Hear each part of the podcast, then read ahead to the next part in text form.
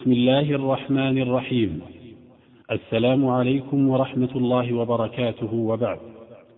فهذا الدرس من إلقاء فضيلة الشيخ سليمان بن ناصر العلوان حفظه الله تعالى. وموضوع هذا الدرس شرح كتاب الطهارة من جامع أبي عيسى الترمذي رحمه الله. الدرس الخامس باب ما يقول إذا خرج من الخلاء. وكان إلقاء هذا الدرس في اليوم الثالث من شهر رجب من عام 1421 الحمد لله رب العالمين وصلى الله وسلم على عبده ورسوله نبينا محمد وعلى آله وصحبه أجمعين.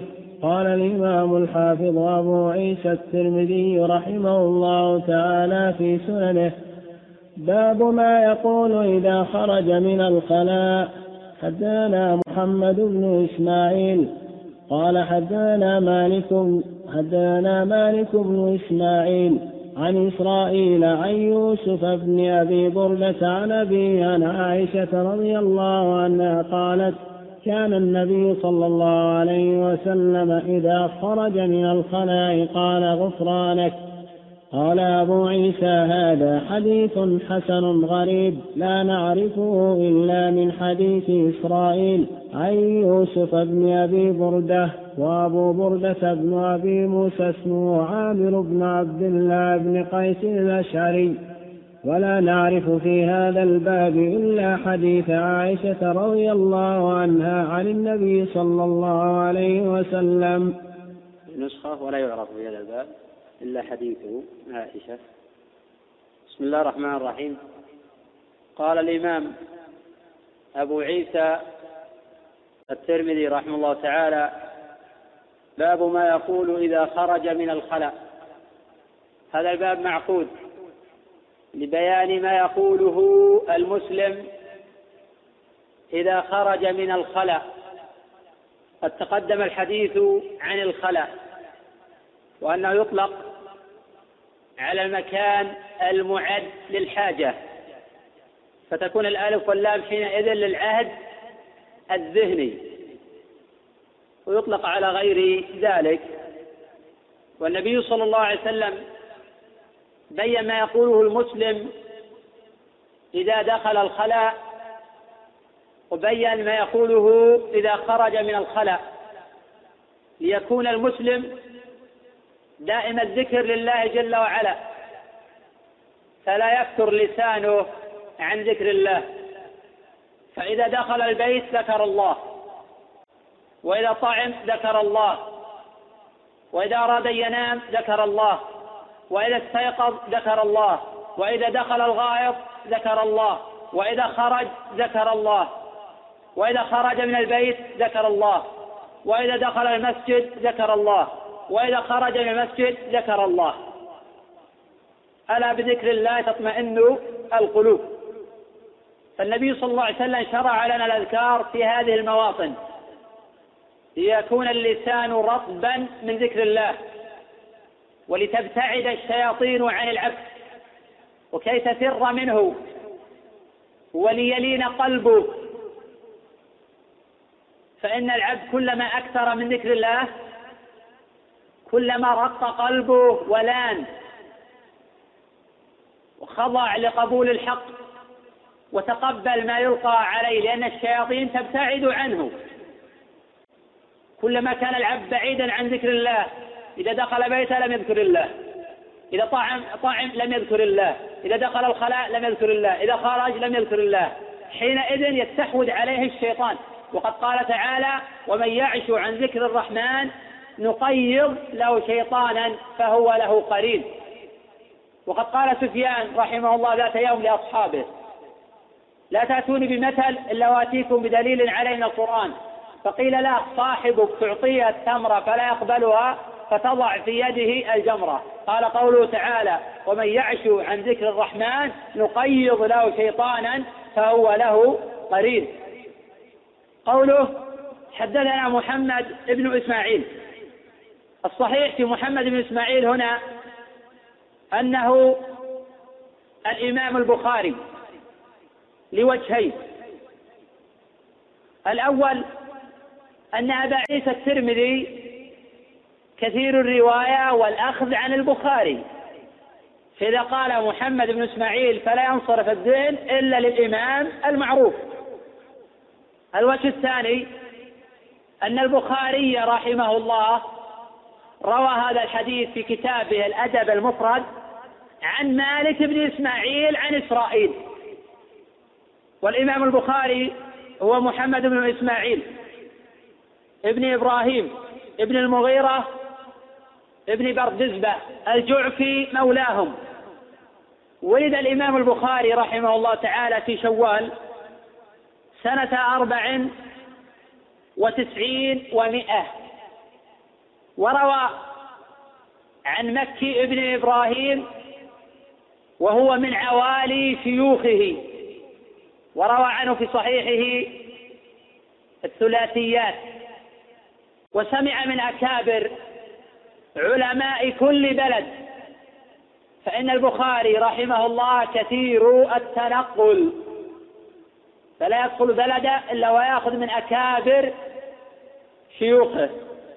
وقد سمع من الإمام الذوري وعبيد الله بن موسى ومحمد بن يوسف وسليمان بن حرب وقتيبة بن سعيد وعبد الله بن يوسف وعلي بن المديني ومحمد بن بشار ومسدد وأبي نعيم وإسحاق وموسى بن إسماعيل وغيرهم.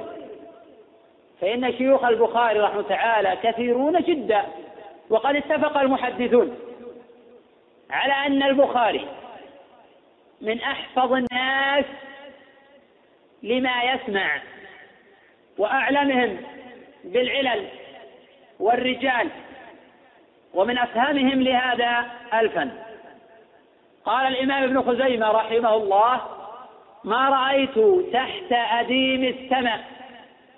أعلم بحديث رسول الله صلى الله عليه وسلم وأحفظ له من محمد بن إسماعيل.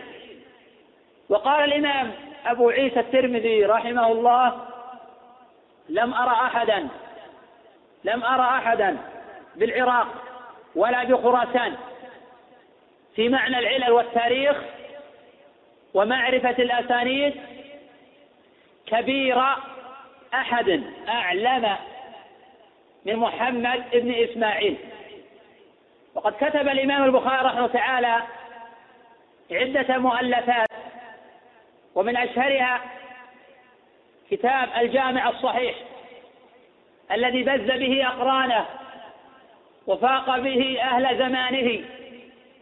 على عظمة ما في كتابه التاريخ الكبير. إلا أن الصحيح أعظم فائدة وأجل قدرا فقد جمع في الأحاديث الصحيحة الثابتة عن رسول الله صلى الله عليه وسلم. وقد تلقاه المسلمون بالقبول وقابلوه بالتسليم. وكان جماعة من أهل العلم يقولون لو حلف رجل بالطلاق على أن كل ما في صحيح البخاري صحيح لكان مصيبة أي لم يحنث. غير أن يقول إن الحلف بالطلاق لا يجوز. الحلف بالطلاق بدعة. وفي أحاديث يسيرة انتقدت على الإمام البخاري رحمه الله تعالى انتقدها عليه أحمد بن حنبل وجماعة من الحفاظ. وقد قيل من أسباب تصنيف الصحيح الذي هو أصح كتاب في حديث رسول الله صلى الله عليه وسلم ما قاله البخاري رحمه الله تعالى. قال كنا عند إسحاق بن راهويه. فقال لو جمعتم كتابا مختصرا لصحيح سنة رسول الله صلى الله عليه وسلم قال فوقع ذلك في قلبي. فشرعت في جمع هذا الجامع الصحيح. وقد صح عن البخاري أيضا أنه قال رأيت النبي صلى الله عليه وسلم وكأنني واقف بين يديه وبيدي مروحة أذب بها عنه. فسألت بعض المعبرين عن ذلك فقال لي أنت تذب عنه الكذب فهو الذي حملني على إخراج الجامع. وقد توفي الإمام البخاري رحمه الله تعالى سنة ست وخمسين ومئتين. قال حدثنا مالك ابن إسماعيل ابن درهم النهدي مولاهم. روى عن سفيان بن عيينة وشريك وابن الماجشون وزهير بن معاوية وآخرين.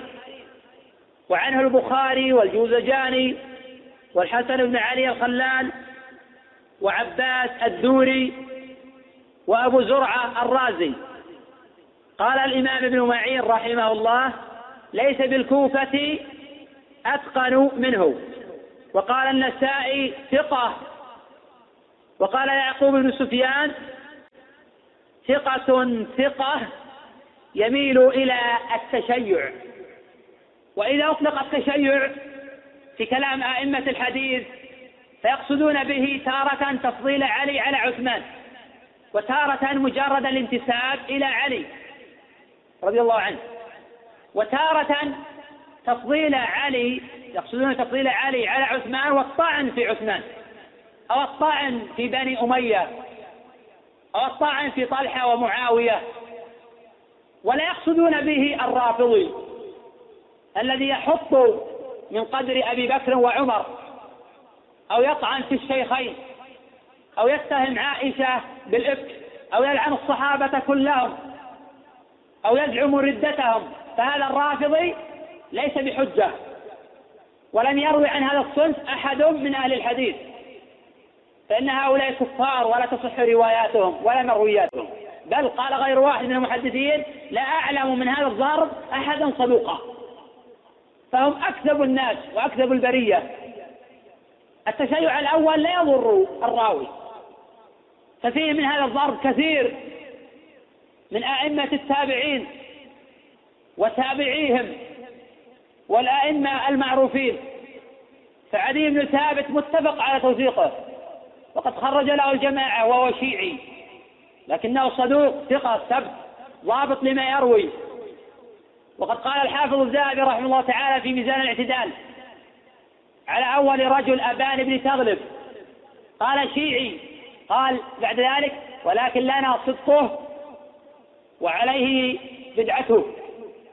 ثم فصل في رواية المبتدع وأن الشيعي من الضرب الأول لم يتوقف أحد من أهل الحديث عن التخريج ولا الرواية له لضبطهم وحفظهم وأمانتهم في النقل. أما الرافضة فلا تجوز الرواية عن أحد منهم. وقد توفي مالك بن إسماعيل سنة تسع عشرة ومائتين. قوله عن إسرائيل هو ابن يونس ابن أبي إسحاق السبيعي أخو عيسى ابن يونس. هذا هو أخو عيسى ابن يونس. وقد ولد سنة مئة وروى عن أشعث بن أبي الشعثاء والأعمش وسماك بن حرب وجده أبي إسحاق السبيعي وموسى بن أبي عائشة وغيرهم. وعنه أبو داود الطيالسي وشبابه بن سوار. وشباب بن سوار هو أحد دعاة الإرجاء وهو من رجال الجماعة. ثقة حافظ. وعنه أيضا ابن مهدي وعبد الرزاق. قال الإمام أحمد رحمه الله تعالى عن إسرائيل ثقة وكان الإمام أحمد يعجب من حفظه. وقال أبو حاتم ثقة متقن. وقد تكلم فيه علي بن المديني وقال ضعيف ولكن الأكثر من أهل الحديث على توثيقه. وقد روى له الجماعة وتوفي سنة ستين ومائة وقيست إحدى وستين وقيست اثنتين وستين ومائة وقد تفرد بهذا الحديث إسرائيل عن يوسف بن أبي بردة.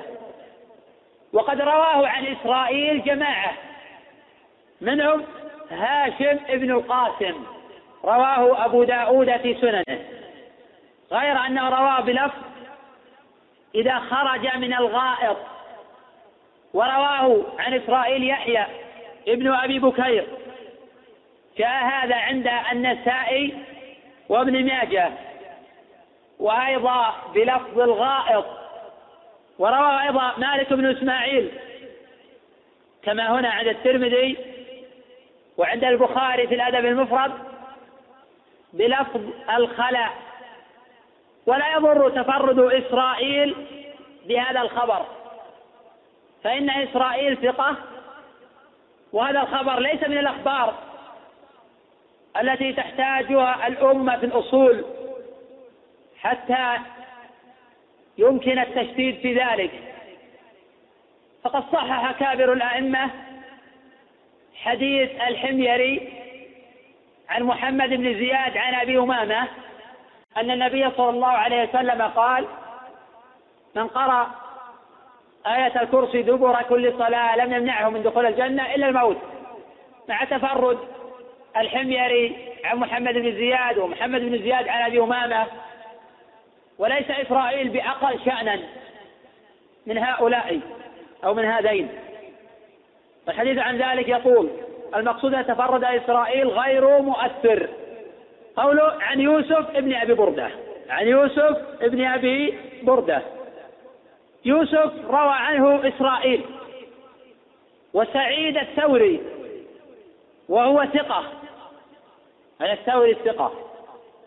ووثق يوسف يوسف ابن أبي بردة العجلي. وذكره ابن حبان في ثقاته. وصحح له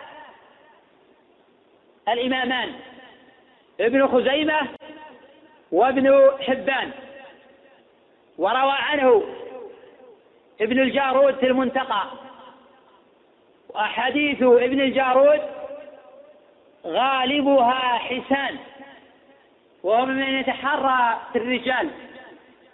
وقد تكلم في هذا الحديث بعض أهل العلم. وأورده ابن الجوزي رحمه الله تعالى في العلل المتناهية. فإن بعض العلماء يقول عن يوسف بأنه غير معروف وفيه نظر فإن الراوي إذا روى عنه ثقتان ولم يأتي بما ينكر عليه ولم يتفرد بأصل فإنه حجة ويمكن تصحيح أو تحسين أحاديثه. وقد ذكر الإمام الدار قطني رحمه الله في السنن في كتاب الديات المجلد الثالث. قال ترتفع جهالة الراوي إذا روى عنه رجلان فصاعدا. وينبغي يقيد كلام الدار قطني فيقال رجلان ثقتان. وهنا قيس آخر بشرط أن لا يأتي بما ينكر عليه. لأن المجهول إذا روى عنه مجهولان ازداد ضعفا. وإذا أتى بما ينكر عليه هذا دليل على أنه ليس بحجة وأنه لا يضبط ولا يحفظ. وقال بعض أهل العلم وأما إذا روى عن الراوي رجل واحد ولم يوثق فإنه مجهول ولا تقوم بحديث حجة. وأشار إلى هذا الدار قطني رحمة تعالى في نفس الموضع السابق والصحيح الذي عليه تعامل الأئمة الكبار. أن الراوي سواء قلنا بأنه مجهول العين أو مجهول الحال على هذا الاصطلاح إذا لم يوفق يوثق وروى عنه ثقة أو ثقتان ولم يأتي بما ينكر عليه أنه يحتج بحديثه سواء روى عنه واحد أو اثنان. حميدة بنت عبيد ابن رفاعة هي تروت حديث الهرة أن ليست بنجس إنما يطوفين عليكم. لم يروي عنها سوى ابنها يحيى ابن إسحاق وزوجها إسحاق. وقد صح حديثها أكثر الأئمة. بل نقل صاحب التعليق المغني على الدار قطن الاتفاق على تصحيح هذا الخبر. احتج بها مالك وغيره من أهل العلم. فهذا دليل على أن الأئمة لا يجعلون مجرد الجهالة علة فهم يعتبرون رواية الراوي. يأتي المجهول بما لا يمكن روايته. كي يتفرد بحديث أحد العقائد أو بأصل نصل الأحكام أو عن طريق شيخ ثقة مخالفا لما رواه أقرانه ونحو ذلك. هذه علة في الحديث. بل الصدوق الذي وثقه الأئمة إذا تفرد بأصل قد يعل حديثه. وقد يقبل. ومن ذلك أيضا أبو سعيد مولى عبد الله بن عامر روى عن أبي هريرة أن النبي صلى الله عليه وسلم قال لا تحاسدوا والحديث صحيح الإمام مسلم. وأبو سعيد روى عنه ثقة ولم يوثقه كبير أحد. أورد ابن حبان في الثقات وثقه العجلي. ولم يمتنع مسلم من التخريج له والاحتجاج به. ثم مما ينبغي علمه أن تصحيح العالم لحديث ما لا يروى إلا من طريق واحد هذا رفع لجهالة الراوي وتصحيح لحديثه. ومن ذلك جعفر بن أبي ثور ومن ذلك جعفر بن أبي ثور روى عن جابر بن سمرة حديث الوضوء من لحوم الإبل. وقد روى عن جعفر ثقتان ولم ينص على توثيقه كبير أحد. وقد أورد حديث الإمام مسلم في صحيحه. وهذا دليل آخر على أن الراوي استقام مرويه وروى عنه ثقة أو ثقتان ولم يطعن في أحد ولم يتفرد بأصل أنه يقبل حديثه. إن قال قائل جاء إن قال قائل جعفر بن أبي ثور تفرد بحديث الوضوء من لحوم الإبل. فالجواب أنه لم يتفرد به. فقد جاء الحديث من رواية البراء كما عند الأربعة. هذا الأمر الأول. الأمر الثاني أن حديث جعفر صححه الأئمة صححه مسلم وورده في صحيحه. هذا رفع لجهالة جعفر. الأمر الثاني صححه الإمام أحمد رحمه الله تعالى. الأمر الثالث صححه ابن خزيمة. وصححه أيضا جمع غفير من أهل العلم. وهذا إنما ذكرناه لقبول رواية يوسف بن أبي بردة. وأنه صدوق. وأن رمية بالجهالة غير صحيح. فقد روى عنه ثقتان وصحح له جمع من أهل العلم واستقام مرويه ولم يروي أصلا بما يجعلنا نطرح حديثه. ولكن لو تفرد المجهول بما ينكر عليه ولو روى عنه ثقتان فإننا نضعف الحديث كحديث أبي جعفر الأنصاري المؤذن عن عطاء عن أبي هريرة في قصة الرجل المسبل الذي أمره النبي صلى الله عليه وسلم أن يعيد الوضوء والصلاة. رواه أبو داود وغيره. هذا خبر منكر. تفرد به أبو جعفر ولم يوثقه كبير أحد وأتى بخبر منكر حيث روى هذا الحديث عن عطاء عن أبي هريرة ولا علاقة بين الإسبال وبين إعادة الوضوء. علة أخرى أين أصحاب عطاء عن هذا الحديث؟ المهم حيث يتعلق بإعادة الوضوء والصلاة. هذا دليل على أن أبا جعفر لم يضبط الحديث. ثم إن قولنا السابق ما لم يأتي بما ينكر عليه. هل يعني هذا أنه إذا أتى بحديث منكر ترد جميع أحاديثه الأخرى؟ أم يرد حديثه هذا؟ ذكر بعض المتأخرين أنه إذا روى حديثا منكرا ترد كل أحاديثه فلا يحتج به. وقال آخرون يرد هذا الحديث المنكر وينظر في أحاديثه الأخرى ولعل هذا أقرب في نظري والعلم عند الله. المقصود أن يوسف بن أبي بردة صدوق وقد صحح له ابن خزيمة وابن حبان والحاكم والحديث صححه النووي ووثقه العجلي وذكره ابن حبان في ثقاته واستقام مرويه. كل هذه قرائن تؤكد قبول خبره. قول عن أبيه والده تابعي روى عن البراء بن عازب وحذيفة بن اليمان وعبد الله بن سلام وابن عمر وجماعة وهو ثقة بدون خلاف. وقد توفي سنة ثلاث ومائة وقيل أربع ومائة وقد نيف على الثمانين.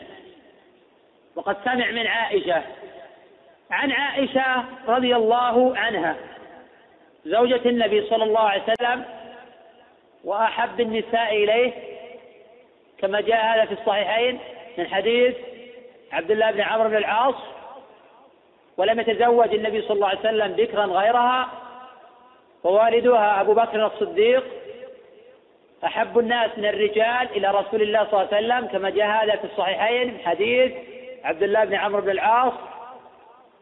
وقد روت عائشة عن النبي صلى الله عليه وسلم أحاديث كثيرة وروى عنها أكابر الصحابة وأكابر التابعين.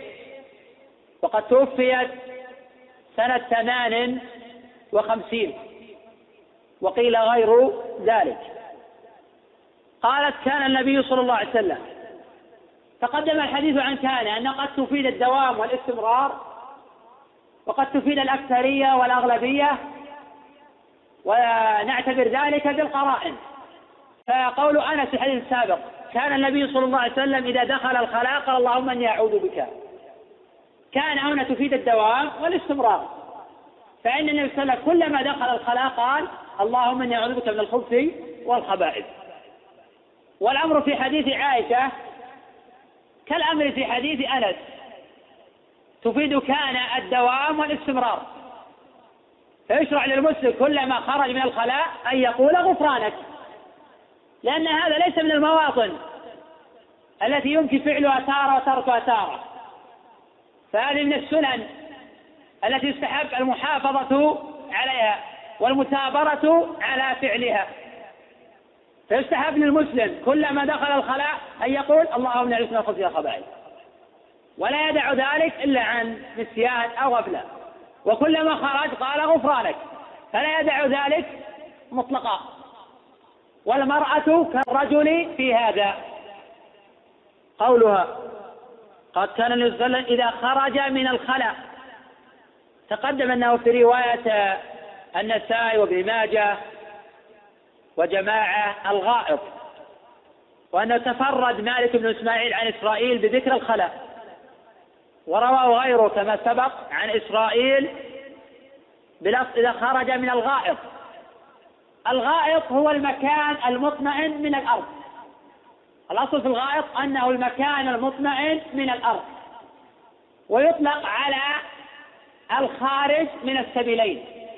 كما في قوله تعالى أو جاء أحد منكم من الغائط. وقد قيل إن الأصل في الغائط هو المكان المطمئن ثم نقل لهذا الموضع كراهية لذكر الحدث باسمه. فعلى هذا يكون الغائط بمعنى الحدث مجازا.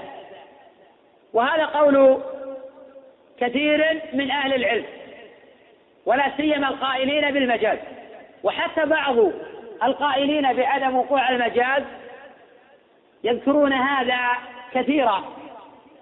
وقال بعض أهل العلم لأن الغائط كما يطلق على المكان المطمئن يطلق أيضا على الخارج من السبيلين وكل حقيقة في نفسه فإن الأساليب العربية واسعة والمعاني واسعة فيطلق هذا على هذا وهذا على هذا والغاص حقيقة في في الخارج من السبيلين وهو حقيقة في المكان المطمئن من الأرض. وهذا قول القائلين بعدم وقوع المجاز. وبعض أهل العلم يقول أن وقوع المجاز في اللغة هذا مشهور ولا يكابر فيه كبير أحد. وأما وقوعه في القرآن فلا يمكن أن يقع ولا سيما في أسماء الله وصفاته. والحديث عن هذه القضية طول ذكره والمقصود تقرير لفظة الغائط وأن كناية عن الخارج من السبيلين. فعليه. إذا قلنا بأن الخلاء هنا هو المكان المعد لقضاء الحاجة تكون الألف واللام للعاد الذهني. وإذا قلنا أن الخلاء مطلق الخلاء المكان والفضاء الواسع. فتكون أيضا هنا الخلاء. وإن كانت للمكان الواسع فإنه حين يشرع الذكر بعد الخروج ومجاوزة هذا المكان الذي قضى فيه المسلم حاجته. أي سواء قصد بالخلاء المكان معد للحاجة أو غير ذلك. لأنه في هذه الحالة هو مكان أعد لقضاء الحاجة. فقلنا هذا أو هذا. إذا هي الألف واللام للعهد الذهني هنا وهنا في هذا الاعتبار. فعليه نقول يشرع قول هذا الذكر سواء خرج من مكان معد لقضاء الحاجة أو من خلا هو أعد في هذه اللحظة لقضاء حاجته. قوله غفرانك مصدر كالكفران والخسران. فعله مقدر محذوف. تقديره اغفر غفرانك ويحتمل أن يكون منصوبا على المفعولية. أي أسألك غفرانك أو أطلب غفرانك. والغفر الستر. قال تعالى غفرانك ربنا وإليك المصير. أي نسألك غفرانك وسترك. إذا قال العبد المسلم غفرانك أي كأنه قال أسألك سترك وعفوك وتجاوزك عما تعلمه مني من الذنوب والآثام. فهذا دعاء من دعاء المسألة. غفرانك فيها توحيد الإلهية وتوحيد الربوبية. غفرانك فيها توحيد الإلهية وتوحيد الربوبية وفيها توحيد الأسماء والصفات. كلمة واحدة فيها أنواع التوحيد. إذا قال عبد غفرانك أن يسأل الله يغفر له. إذا أقر بوجود الله هذا توحيد الربوبية. وإذا سأله أقر بتوحيد الإلهية. ومن صفات الله جل وعلا المغفرة. إذا كلمة واحدة فيها جميع أنواع التوحيد. وقد جاء عند البيهقي أو روى البيهقي من طريق ابن خزيمة في هذا الحديث قال غفرانك وإليك المصير. وهذه الرواية لم تقع في صحيح ابن خزيمة وليس لها وجود في النسخ المعتمدة من صحيح ابن خزيمة. ومن هنا أنكرها الحافظ البيهقي في السنن الكبرى وأنه لا أصل لها. فيقتصر المسلم على غفرانك ولا يزيد. فإن زاد وإليك المصير صار قوله بدعة. يقتصر على النص الوارد عن رسول الله صلى الله عليه وسلم. ولا يزيد في الألفاظ لأن بعض الناس يسهل في هذا. ويروي ما لم يثبت. ويقول لا بأس بذلك هذا في الأذكار. أو يقول هذه اللفظة واردة في القرآن فيضع القرآن في غير موضعه. وهذا عمل مبتدع. كما يفعل بعض الناس في متابعة المؤذن. يقول إنك لا تخلف الميعاد. ثم يقول هذه اللفظة واردة في القرآن. لكن هل جاءت في القرآن في هذا الموطن؟ فأنت تنزل القرآن في غير على غير محله وعلى غير موطنه الصحابة الذين هم أعرف الناس بمعاني القرآن لم يكونوا يقولون هذه اللفظة. والذي أنزل عليه القرآن ما كان يقول لك لفظ الميعاد نعم صحيح أن هذه اللفظة جاءت من رواية محمد بن عوف عند البيهقي عن علي بن عياش عن شعيب بن أبي حمزة عن ابن المنكدر عن جابر. غير أن محمد بن عوف تفرد بهذه اللفظة عن علي بن عياش فهي زيادة منكرة. وقد روى الحديث وقد روى الحديث الإمام البخاري في صحيحه عن علي بن عياش وأحمد عن علي بن عياش وعلي بن المديني عن علي بن عياش ولم يذكر واحد منهم ما ذكر محمد بن عوف. اذا هذه الرواية منكرة ولا يصح الاحتجاج بها. فنقتصر على النص. حقيقة أن الزيادة على نص استدراك على الشرع. استدراك على فعل النبي صلى الله عليه وسلم واستدراك على نقل الصحابة. قال أبو عيسى رحمه الله تعالى هذا حديث حسن غريب. تقدم الحديث على قول أبي عيسى حسن صحيح أو حسن غريب. وأن تعريف الحسن المذكور في آخر كتاب العلل من جامع أبي عيسى إذا أفرد لفظ الحسن. وأن هذا هو الصحيح المعتبر وإذا ضم إليه غيره فلا يدخل في هذا التعريف. وهذا الحديث من الأدلة على ما قلت لكم فيما مضى. حيث أنه عرف الترمذي حديث الحسن بأنه ما جاء من غير وجه. وهنا يقول حديث الحسن غير لا نعرفه إلا من حديث إسرائيل. فلو كان يقصد بتعريف الحسن إذا ضم إليه غيره كما يقصد إذا أفرد لما قال هنا لا نعرف إلا من حديث إسرائيل ولا كان التعريف هذا منتقضا بقوله. فهذا يؤكد أن أبا عيسى عرف الحسن إذا أفرد عن غيره. فإذا قال حديث حسن غريب أو حديث حسن صحيح أو حديث حسن صحيح غريب فلا يدخل فيها التعريف المذكور في آخر كتاب العلل لجامع أبي عيسى. إذا قال حديث حسن غريب فيقصد بالحديث الحسن غير ما ذكر في كتاب العلل. وهنا حكم عليه بالغرابة لأنه لا يعرف إلا حديث إسرائيل عن يوسف ابن أبي بردة كما قال هنا إلا من حديث إسرائيل عن يوسف. وقد سئل الإمام أحمد قال أبو داود قلت لأحمد إسرائيل إذا تفرد بحديث يحتج به؟ فقال الإمام أحمد إسرائيل ثقة. فيشير الإمام أحمد رحمه تعالى إلى قبول تفرده. وتفرد يوسف عن أبيه لا يضر كما سبق تقريره. قال أبو عيسى رحمه الله تعالى وأبو بردة بن أبي موسى اسمه عامر بن عبد الله ابن قيس الأشعري. عبد الله بن قيس هو أبو موسى الأشعري الصحابي المشهور. قال أبو عيسى ولا يعرف في هذا الباب إلا حديث عائشة. يحتمل كلام بعيسى أحد أمرين. الأمر الأول يحتمل كلامه أنه يريد ولا يعرف في هذا الباب. حديث صحيح إلا حديث عائشة. هذا إذا قلنا بأن الترمذي يرى قبول هذا الخبر. لأن أبا عيسى إذا قال حديث حسن غريب قد يقصد التضعيف. وهذا كثير في كلامه. وقد يقصد بذلك التصحيح. فقد ذكر أبو عيسى رحمه الله تعالى في باب المضمضة والاستنشاق حديث عبد الله بن زيد. أن رسول الله صلى الله عليه وسلم توضأ فمضمض واستنشق من كف واحدة ثلاثة. قال هذا حديث حسن غريب والحديث صحيح الإمام البخاري حديث عبد الله بن زيد. وقد يقصد التضعيف وهذا كثير في كلامه. وقد يقول حديث حسن غريب أي لوجود علة إما في الإسناد أو في المتن. وقد يقول حسن غريب ويكون الحديث صحيحا. هذا الأمر. الأمر الثاني أنه يقصد أنه لا يعرف في الباب إلا حديث عائشة.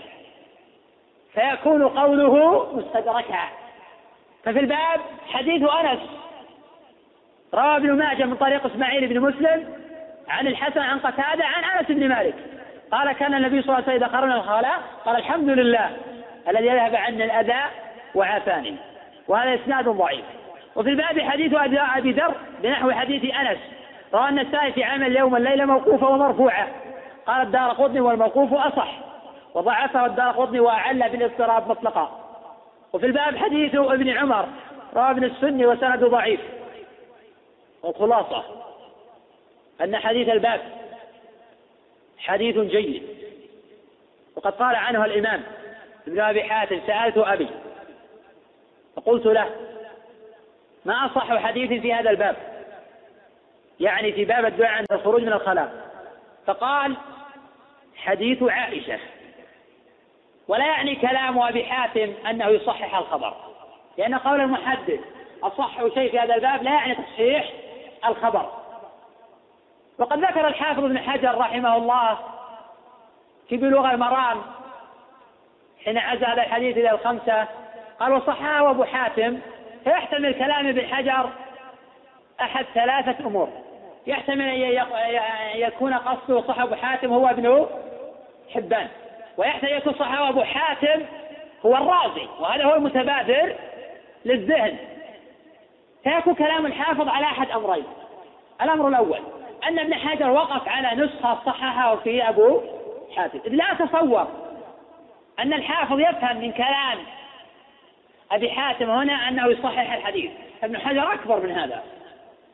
ويحتمل أن ابن حجر وقف على نسخة فيها تصحيح لأبي حاتم. وهذه النسخة لم نقف عليها. والحديث قال عنه الترمذي هذا حديث حسن صحيح. ففي مشروعية هذا الذكر عند الخروج من الخلاء وهذا قالوا أكابر أهل العلم. هذا حديث حسن صحيح. أي النووي. إذا قلنا؟ لا. وقال عنه الإمام النووي. هذا حديث حسن صحيح. ذكر هذا في مواضع من كتبه رحمه الله. أما أبو عيسى فقال هذا حديث حسن غريب. قد تقدم أنه يحتمل التحسين ويحتمل غير ذلك. والعلم عند الله.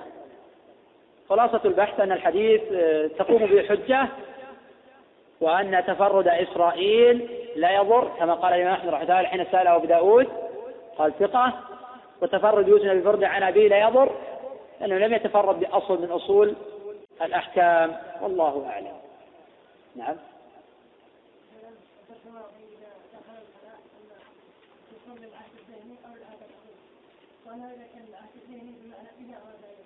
اي نعم.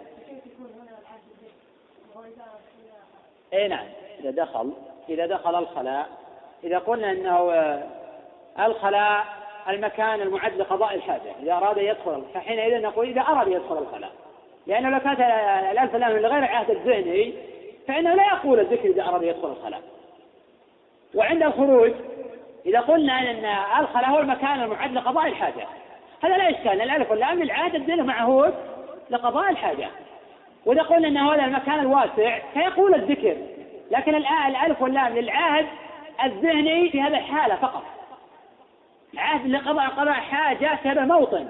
لأنه عهد ذهني لموطن معد لقضاء الحاجة.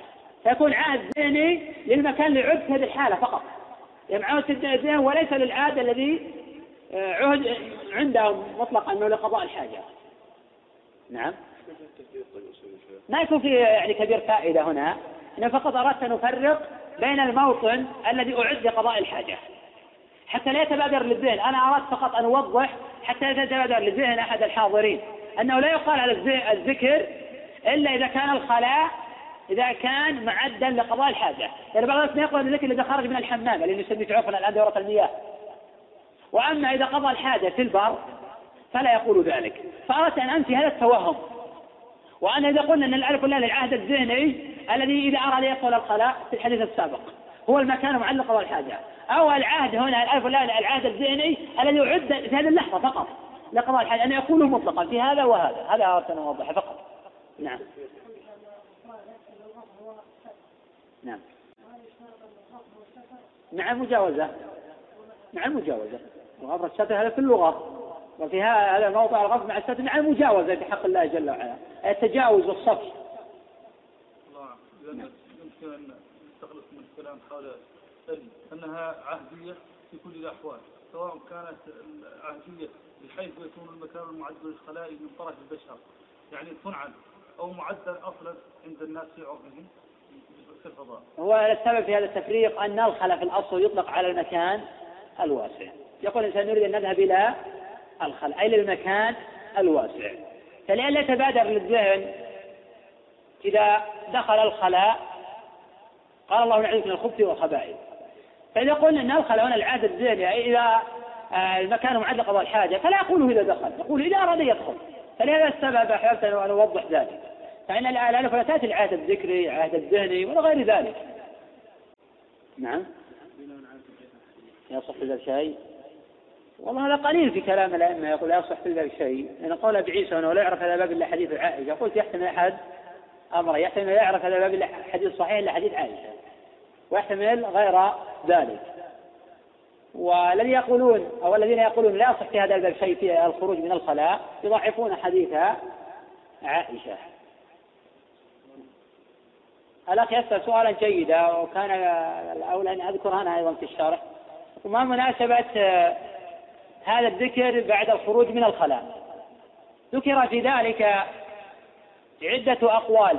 فقيل لما كان الإنسان في هذه اللحظة مبتعدا عن ذكر الله تاركا لذلك يدافع عن الذكر لا يشرع في هذه اللحظة شرع أن يقول بعد الخروج غفرانك أي أطلب غفرانك لما وجد في هذه اللحظة من ترك ذكرك.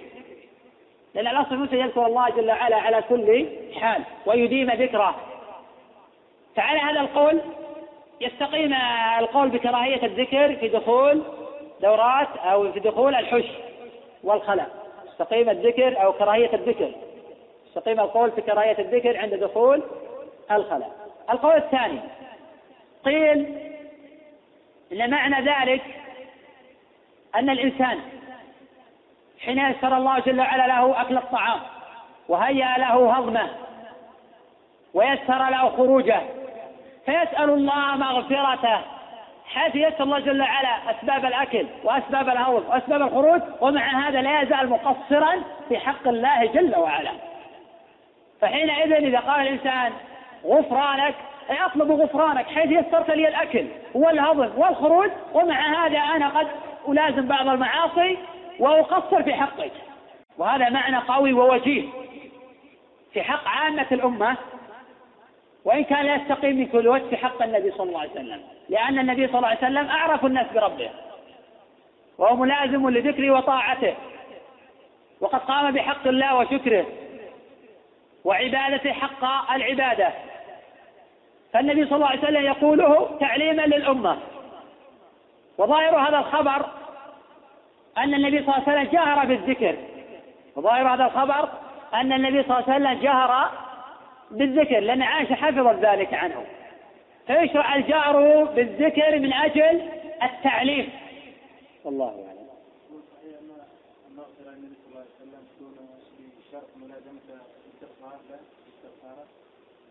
لقد يكون في حق النبي صلى الله عليه وسلم معنى الأول أنه في هذه اللحظة آه، لما تخلى عن ذكر الله قال غفرانك لعظمة الله في صدره وتعظيمه للرب جل وعلا وأنه لا يكثر عن ذكره لا قائما ولا قاعدا يتأمل في كل شيء. هذا اللحظة لما فتر اللسان عن الذكر قال غفرانك من قوة تعظيمه لربه جل وعلا. هذا غير بعيد.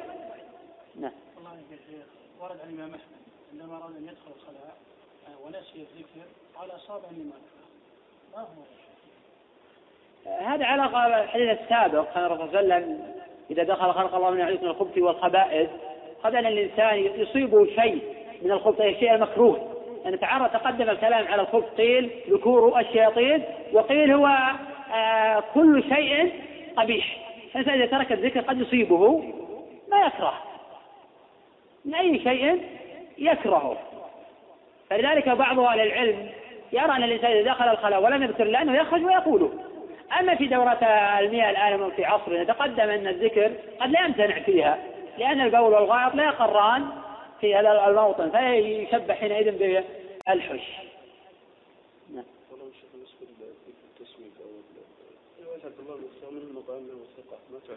هو لا شك إنه ثقة. تحدثنا من قبل أن عبد الله المختار ثقة ولا إشكال في ثقته. لكن حين تفرد عن عبد العزيز بن صهيب عن أنس في هذا الخبر اعلنا روايته بالشذوذ والنكارة حيث روى الحديث عن عدد الصهيب جمع رفيق هشيم وابن عليا وحماد بن زايد وشعبة ولا نذكر واحد منهم ما ذكر عبد الله بن المختار. فروايته منكرة ولا تصح. نعم هل يشرع اذا نسي ذكر الله سبحانه وتعالى ان يقول من اذا قام شرع في هذا كفارة المجلس على من يصحح حديث كفارة المجلس. لأن حديث كفارة المجلس في خلاف بين أهل العلم. العلماء من يصححه لكثرة وروده عن جمع الصحابة ولكثرة طرقه وذهب الإمام البخاري والإمام مسلم وجماعة إلى ضعفه.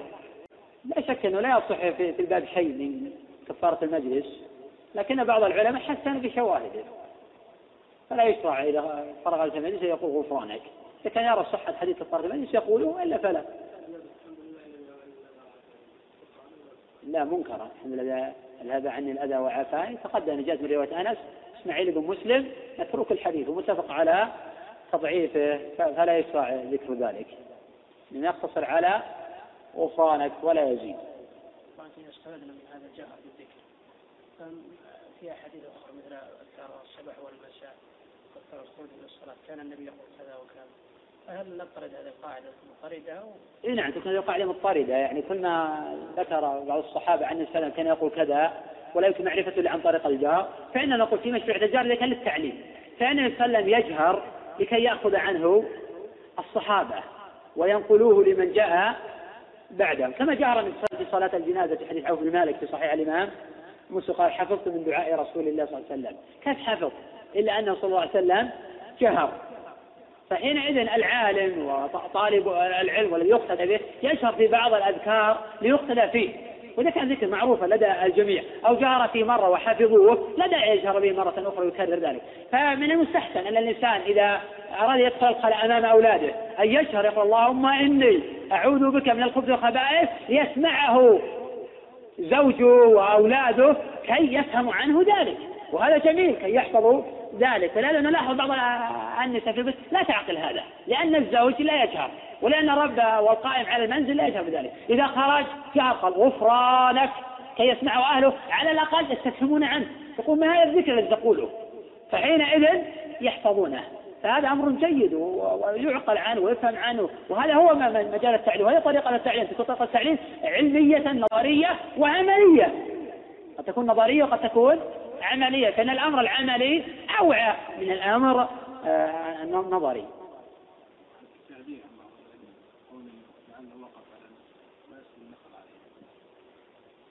ما فيها كبيرة يعني شيء ما أردت فقط أن أقول كلام الحافظ حين قال الصحابة أبو حاتم قلت جاءتني يقصد بذلك الإمام ابن حبان. وهذا يعني ما يتبادر الذهن. الذي يتبادر الذهن الحافظ بن حاجة يقصد به آه، هو أبو حاتم. الرازي صاحب كتاب العلل. فعلى يحتمل قلت أحد وجهين. الوجه الأول أنه وقف على نسخة فيها التصحيح. الوجه الثاني يحتمل أنه يقصد بذلك وهو فهم منه وهو صح شيء في الباب. وهذا بعيد في كلام الحافظ رحمه الله تعالى. أنا لا أظن أن الحافظ يقصد ذلك. وإن كان هذا قد يمكن يراد احتمالا آه، طالب العلم الصغير لا يفهم من كلام الأئمة الصح شيء في الباب أنه صحيح. فكيف يقع في كلام الحافظ بن حجر رحمه الله تعالى؟ فلعل وقف غير بعيد هذا إن كتاب العلم يكمل الذي بين أيدينا فلعل وقف على موطن آخر صححه. ونحن لا نحتج بهذا استقلالا بحيث ننسب لابي حاتم أنه صححه. إنما هو اعتذار عن الحافظ لا غير. بحيث لا يمكن نقول إن أبي حاتم صحح الحديث لأن هذا لم يقع في أيدينا. فحينئذ لا يمكن الجزم بان أبي حاتم صححه لكن صحح الحديث بناء على أدلة أخرى كتصحيح ابن خزيمة وتصحيح ابن حبان وتصحيح الحاكم كتصحيح النووي كقوه رواة آه، الحديث الله أعلم. نعم. حديث أبا سعيد المولى النبي عليه السلام قال لا تحسدوا لا تحسدوا مولى من أبي سعيد مولى عبد الله بن عامر. ابي هريره. اي نعم. يكفي هذا. بسم الله الرحمن الرحيم. السلام عليكم ورحمة الله وبركاته وبعد. فهذا الدرس من إلقاء فضيلة الشيخ سليمان بن ناصر العلوان حفظه الله تعالى. وموضوع هذا الدرس شرح كتاب الطهارة من جامع أبي عيسى الترمذي رحمه الله. الدرس السادس باب في النهي عن استقبال القبلة بغائط أو بول. وكان إلقاء هذا الدرس في اليوم الخامس من شهر رجب من عام 1421 الحمد لله رب العالمين وصلى الله وسلم وبارك على عبده ورسوله نبينا محمد وعلى آله وصحبه أجمعين. قال الإمام الحافظ أبو عيسى الترمذي رحمه الله تعالى في سننه باب في النهي عن استقبال القبلة بغائط أو بول. حدثنا سعيد بن عبد الرحمن المخزومي قال حدثنا سفيان بن عيينة عن الزهري عن عطاء بن يزيد الليثي عن أبي أيوب الأنصاري قال قال رسول الله صلى الله عليه وسلم إذا أتيتم الغائط فلا تستقبلوا القبلة بغائط ولا بول ولا تستدبروها ولكن شرقوا أو غربوا قال أبو أيوب فقدمنا الشام فوجدنا مراحيض قد بنيت مستقبل القبلة فننحرف عنها ونستغفر الله. وفي الباب عن عبد الله بن الحارث بن جزء الزبيدي ومعقل بن أبي الهيثم ويقال معقل بن أبي معقل وأبي أمامة وأبي هريرة وسهل بن حنيف. قال أبو عيسى حديث أبي أيوب أحسن شيء في هذا الباب وأصح. وأبو أيوب اسمه خالد بن زيد والزهري اسمه محمد بن مسلم ابن عبيد الله بن شهاب الزهري وكنيته أبو بكر. قال أبو الوليد المكي قال أبو عبد الله الشافعي إنما معنى قول النبي صلى الله عليه وسلم لا تستقبلوا القبلة بغائط ولا بول ولا تستدبروها إنما هذا في الفيافي فأما في الكنف المبنية له رخصة في أن يستقبلها وهكذا قال إسحاق. وقال أحمد بن حنبل إنما الرخصة من النبي صلى الله عليه وسلم في استدبار القبلة بغائط أو بول. فأما استقبال القبلة فلا يستقبلها كأنه لم ير في الصحراء ولا في الكنف أن يستقبل القبلة. بسم الله الرحمن الرحيم. قال الإمام أبو عيسى الترمذي رحمه الله تعالى باب في النهي عن استقبال القبلة بغائط أو بول. باب أي هذا باب في الأحاديث الواردة عن رسول الله صلى الله عليه وسلم في النهي عن استقبال القبلة بغائط أو بول. فاقتصر المؤلف رحمه الله تعالى في هذا الباب على ذكر حديث أبي أيوب الأنصاري. فإنه أحسن شيء في هذا الباب وأصح. وقد رواه الجماعة وأشار إلى غيره بقوله وفي الباب عن عبد الله بن الحارث ومعقل ابن أبي معقل وأبي أمامة وأبي هريرة وسهل بن حنيف. وفي الباب غير ذلك كما سوف نشير إليه إن شاء الله تعالى فيما يأتي. وقد قدم الإمام أبو عيسى الترمذي رحمه الله تعالى الأحاديث الواردة في النهي على الأحاديث الواردة في الرخصة.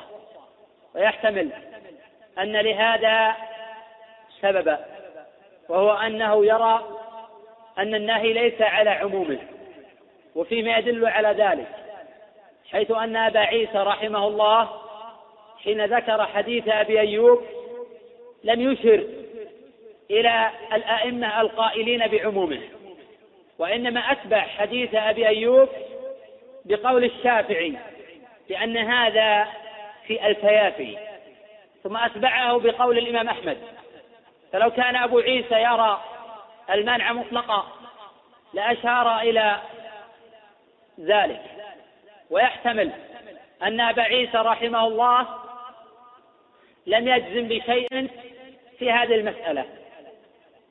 وإنما أراد أن يشير إلى أدلة الفريقين ومأخذهما. والمسألة فيها أقاويل كثيرة تبلغ سبعة قوله حدثنا سعيد بن عبد الرحمن المخزومي روى عن عبد الله بن الوليد وإبراهيم بن عيينة وعنه النسائي والترمذي ووثقه النسائي وذكره ابن حبان في ثقاته. وحين نقول ذكره ابن حبان في ثقاته يغاير قولنا وثقه ابن حبان. فإذا نص الإمام ابن حبان على توثيق الراوي فهو ثقة ولا يقل توثيقه عن توثيق أكابر الأئمة. وإذا أورد الراوي في ثقاته هذا لا يعتمد عليه من كل وجه فهو متساهل في الثقات. وما يرد في كلام المتأخرين من قول وثقه ابن حبان وهو لم ينص على توثيقه إنما أورده في الثقات فهذا فيه نظر. الصحيح المغايرة فإن ابن حبان قد يذكر الراوي في الثقات ويضعفه في المجروحين وقد يذكر في الثقات وينقل في موضع آخر الاتفاق على ضعفه. وقد يذكر في الثقات وهو مجهول غير معروف. أما إذا وثق الراوي فقال فلان ثقة فحسبك بتوثيقه.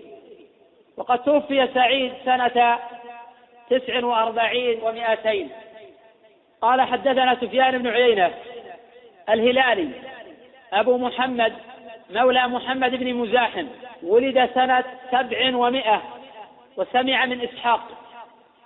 ابن عبد الله بن أبي طلحة. وإسماعيل ابن أبي خالد. وحميد الطويل. وسفيان الثوري.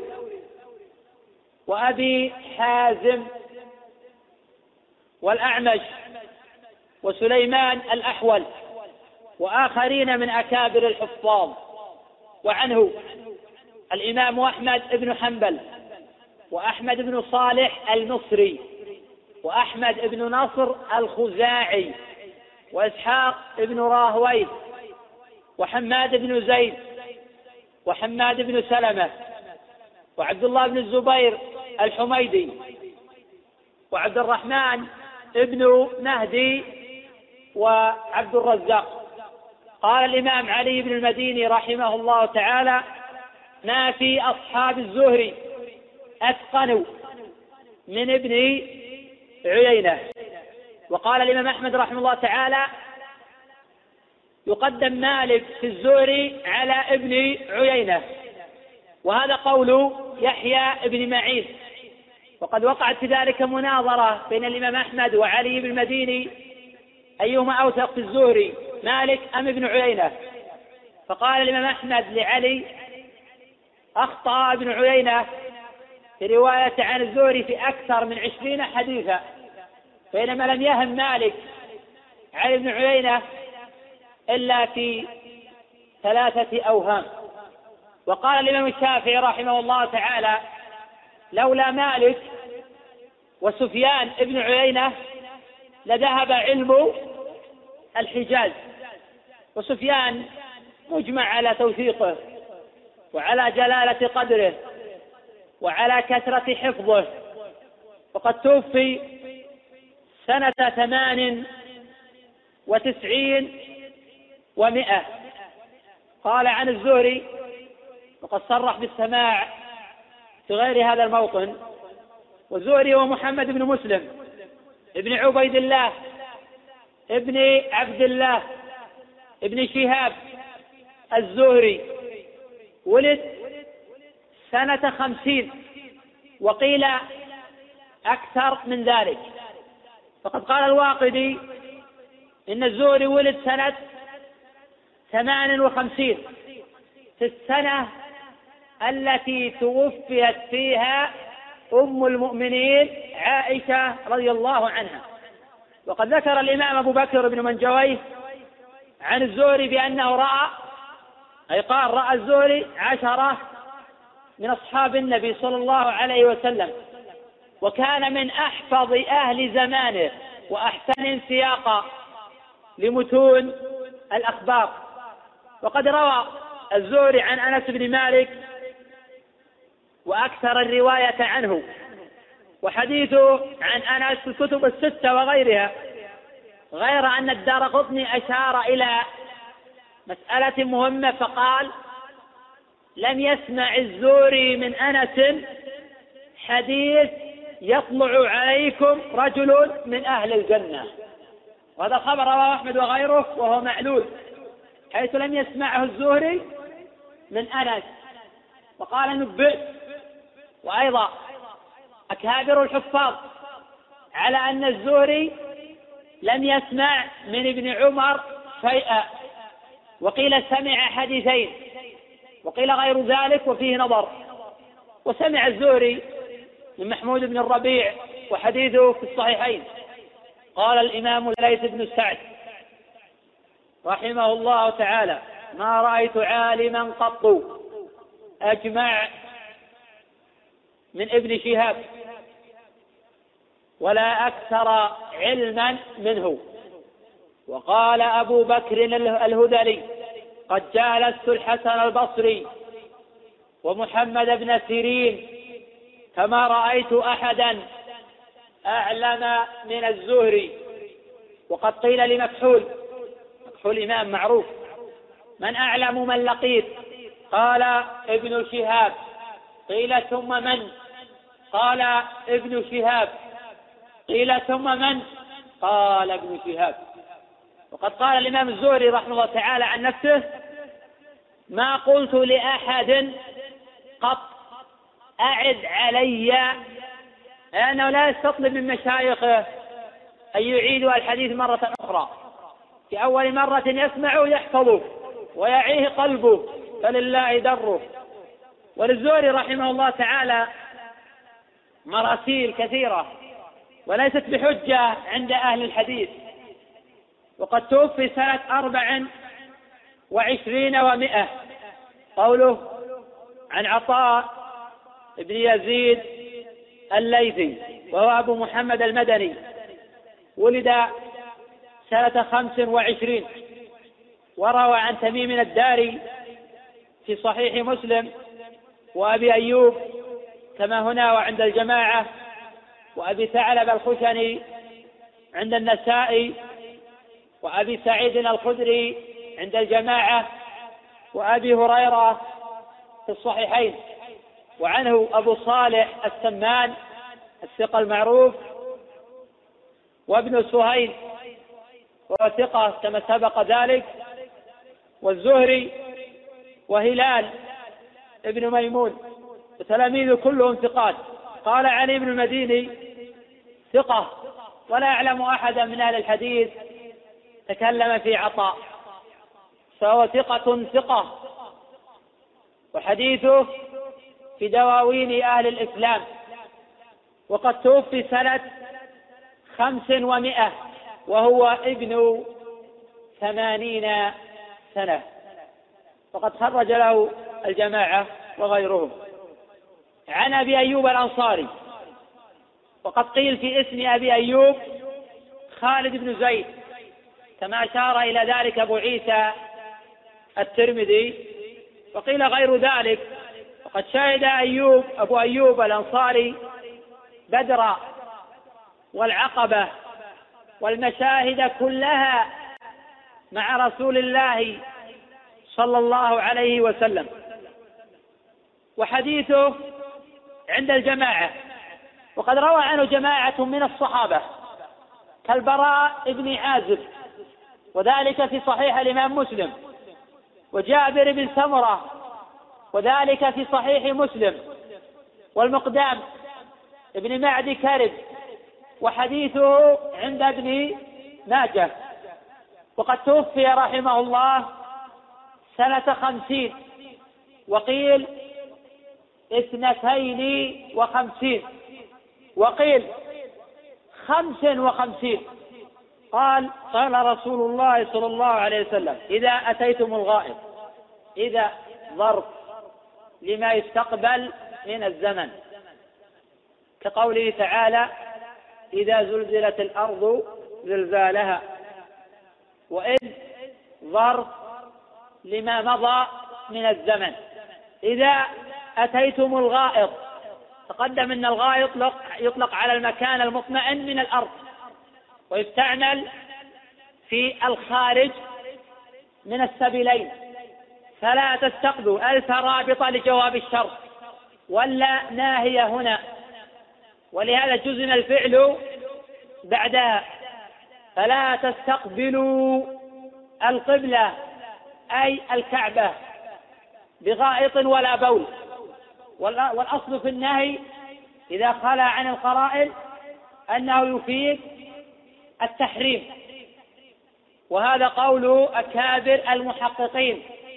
ودليل ذلك ظاهر قوله تعالى ومن يعص الله ورسوله ويتعدى حدوده يدخله نارا.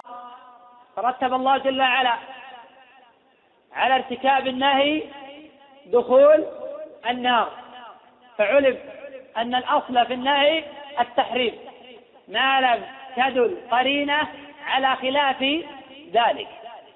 ومن السنة ما رواه البخاري في صحيحه من طريق فليح بن سليمان عن هلال بن علي عن عطاء بن يسار عن أبي هريرة أن النبي صلى الله عليه وسلم قال كل أمتي يدخلون الجنة إلا من أبى قالوا يا رسول الله ومن يأبى؟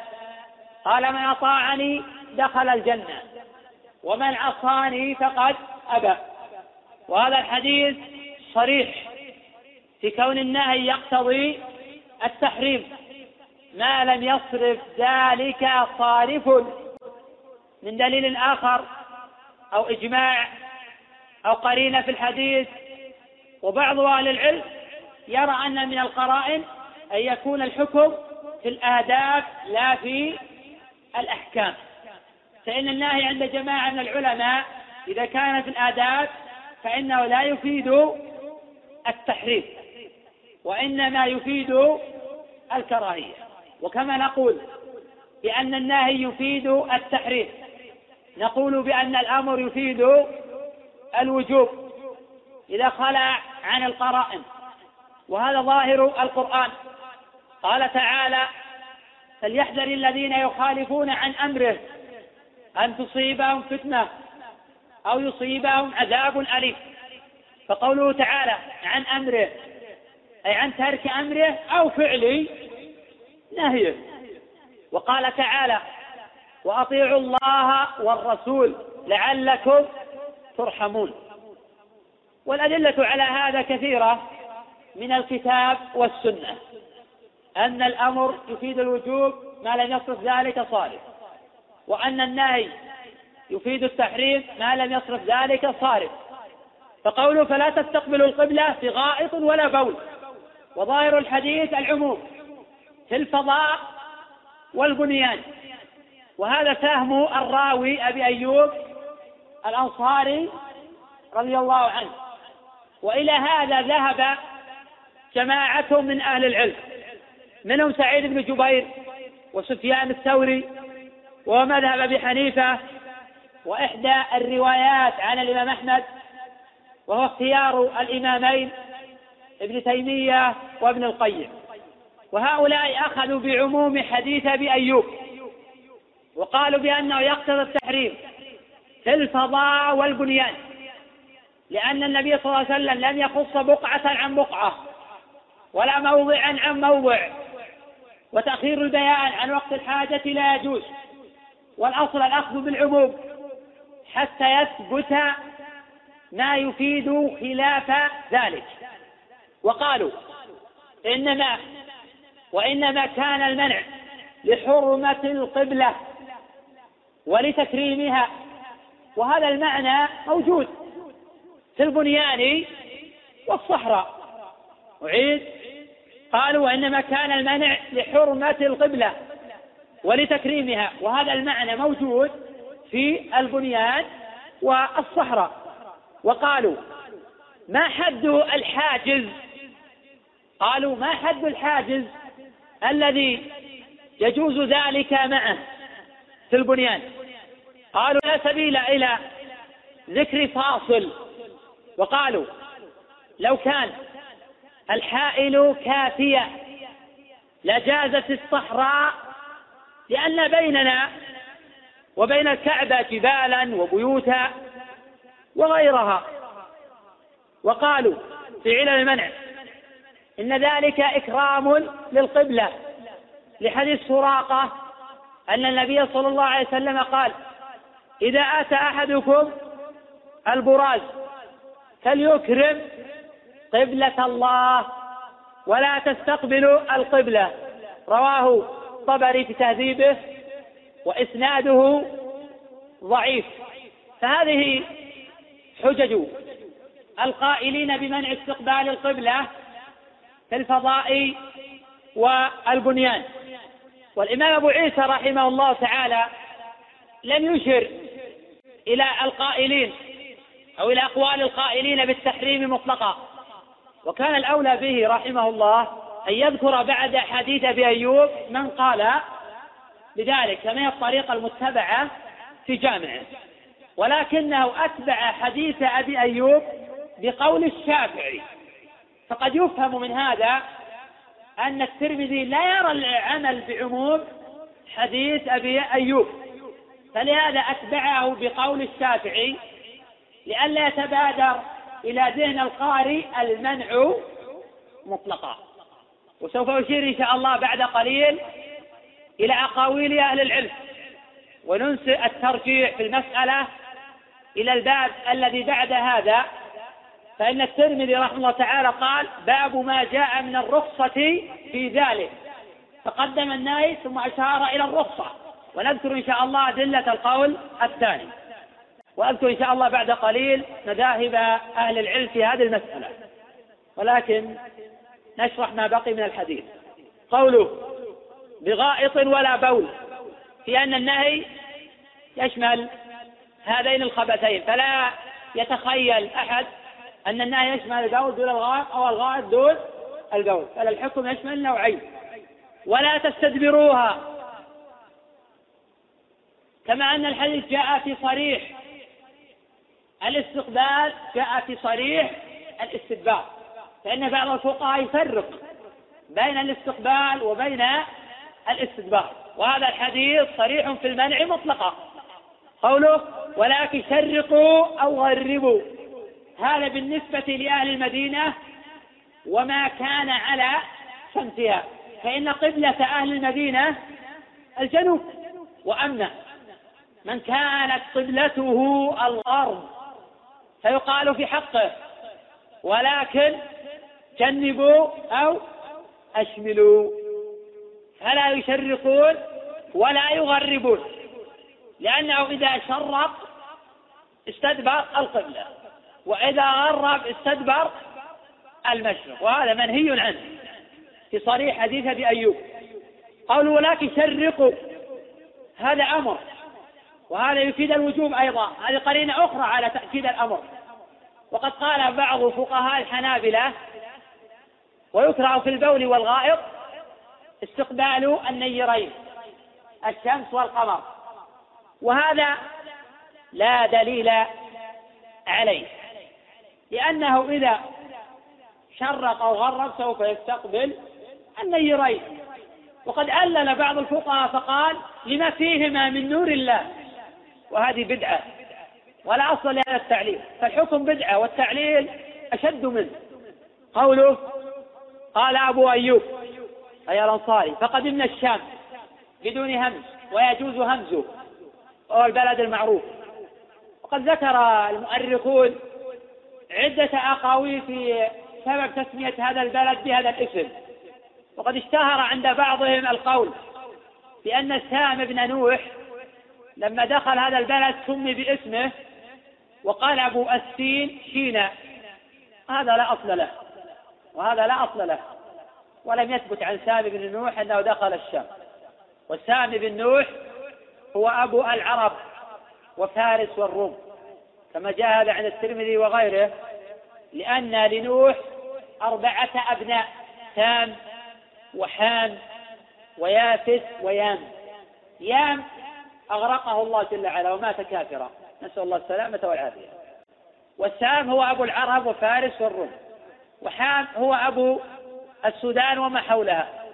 ويافث هو أبو الصين وما حولها ويأجوج ومأجوج. قوله فوجدنا مراحيض أي المكان المعد لقضاء الحاجة. ومراحيض جمع محاض قد بنيت مستقبل القبلة أي مستقبل الكعبة. فننحرف عنها أي سنتحول عن ذلك. فلا نستقبل القبلة في أبداننا وإن كان الموضع مبنيا نحو سمت القبلة. ونستغفر الله. وقد اختلف الشراح. في معنى قول أبي أيوب فننحرف عنها ونستغفر الله.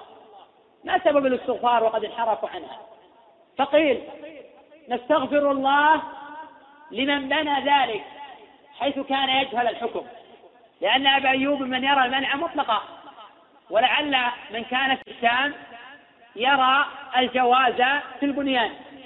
إذا ذهب أبو أيوب الأنصاري إليهم رآهم في هذه الحالة فانحرف عن هذا العمل واستغفر الله لمن صنع ذلك. وقيل إن هذا يقع منهم سهوا ونسيانا فبعد ذلك يتحولون عن الخطأ ويستغفرون الله جل وعلا بعد ذلك.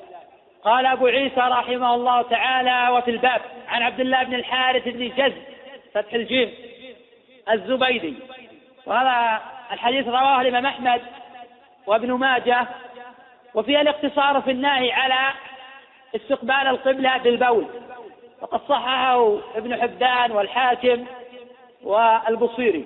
ومعقل بالخف معطوف على عبد الله في الباب عن عبد الله. ومعقل ابن أبي الهيثم ويقال في اسمه معقل ابن أبي معقل وحديث رواه أحمد وأبو داود وابن ماجه بلفظ نهى رسول الله صلى الله عليه وسلم أن نستقبل القبلتين أي الكعبة وبيت المقدس بغائط أو بول. وهذا الحديث ضعيف. وقد ضعفه الحافظ ابن حجر رحمه الله في فتح الباري. قوله وأبي أمامة. أي وفي الباب عن أبي أمامة. ولا أعلم في هذا الباب لأبي أمامة حديثا. قوله وأبي هريرة. رواه مسلم في صحيحه من طريق القعقاع عن أبي صالح عن أبي هريرة. قوله وسهل بن حنيف. رواه أحمد والدارمي. وفي الباب مما لم يذكره أبو عيسى رحمه الله حديث سلمان. رواه مسلم في صحيحه. وحديث رجل من الأنصار رواه مالك في الموطأ وأحمد. وحديث سراقة رواه الطبري في تهذيبه وفيه ضعف. وفي الباب غير ذلك فلم أقصد الاستقصاء في ذلك. قال أبو عيسى رحمه الله تعالى حديث أبي أيوب أحسن شيء في هذا الباب وأصح. حديث أبي أيوب اتفق. الشيخان على تخريجه من طريق سفيان بن عيينة. وقد رواه عن سفيان جمع. منهم علي بن المديني. رواه البخاري. وزهير بن حرب. وابن نمير. ويحيى. ابن يحيى عند مسلم. ورواه ابن أبي ذئب عن الزهري. تابعة لسفيان عن الزهري. وهذه المتابعة في صحيح البخاري. والحديث خرجه أهل السنن وغيرهم. وأصح شيء في هذا الباب. أي في باب النهي عن استقبال القبلة بغائط أو بول قال أبو عيسى وأبو أيوب اسمه خالد بن زيد. والزهري اسمه محمد بن مسلم ابن عبيد الله بن شهاب الزهري وكنيته أبو بكر. وقد تقدم الحديث عن ذلك. قال أبو عيسى قال أبو الوليد المكي قال أبو عبد الله الشافعي إنما معنى قول النبي صلى الله عليه وسلم لا تستقبلوا القبلة بغائط ولا بول ولا تستدبروها إنما هذا في الفيافي فأما في الكلف المبنية له فأما في الكلف المبنية له رخصة في أن يستقبلها. وهكذا قال إسحاق. قوله قال أبو الوليد المكي هو موسى ابن أبي الجارود. قال عنه الحافظ بن حجر في التقريب الفقيه صاحب الشافعي صدوق من صغار العاشرة خرج له الترمذي دون غيره. قد سبق قبل قليل أن الأولى بأبي عيسى رحمه الله أن يذكر أدلة أو أقوال القائلين بعموم حديث أبي أيوب. ثم يتبع ذلك بقول الشافعي وبقول أحمد. فإن أبا عيسى رحمه الله أخلأ الباب من أقاويل المانعين مطلقة في الفضاء والبنيان. وقد أشرت قبل قليل من قال بالعموم كسعيد بن جبير وسفيان وجماعة. قوله قال أبو عبد الله الشافعي إنما معنى قول النبي صلى الله عليه وسلم لا تستقبلوا القبلة بغائط ولا بول ولا تستدبروها إنما هذا في الفيافي وإنما قال هذا الإمام الشافعي لحديث ابن عمر في الصحيحين ولفعل ابن عمر عند أبي داود وسوف يأتي إن شاء الله. ولأدلة أخرى فإن النظر اقتضى عند الشافعي أن النهي يحمل على الصحراء دون البنيان لأن النبي صلى الله عليه وسلم استدبر القبلة في البنيان. والحديث في الصحيحين والجمع بين النصوص واجب وهو أولى من إلغاء أحدهما كما قال في المراقي والجمع واجب متى ما أمكن. وإلا فللأخير نسخ بينا قوله فأما في الكلف المبنية له رخصة في أن يستقبلها أي وأن يستدبرها كما هو معروف في مذهب الإمام الشافعي. قال أبو عيسى وهكذا قال إسحاق. أقول وهذا ظاهر. تبويب البخاري في صحيحه حيث قال باب لا تستقبل القبلة بغائط أو بول إلا عند البناء في دار أو نحوه. هذا لفظ البخاري في صحيحه وهو صريح في مقصود البخاري رحمه تعالى وأن النهي في الصحراء دون غيرها. لكن هذا يحتاج إلى جواب عن أدلة القائلين بالمنع. فقد تقدمت أدلتهم وما هو حد الفاصل بين الفضاء والصحراء وبين القليل وبين الكثير وأن النهي لحرمة القبلة ولتكريمها وكل هذا إن شاء الله سوف يأتي مناقشته. وبما قال الشافعي قال مالك أيضا وهو إحدى الروايات عن الإمام أحمد وقد روى أبو داود في سننه من طريق الحسن بن ذكوان عن مروان بن الأصفر قال رأيت ابن عمر أناخ راحلته مستقبل القبلة. ثم جلس يبول إليها. فقلت يا أبا عبد الرحمن ألم ينهى عن هذا؟ قال إنما نهي عن هذا في الصحراء.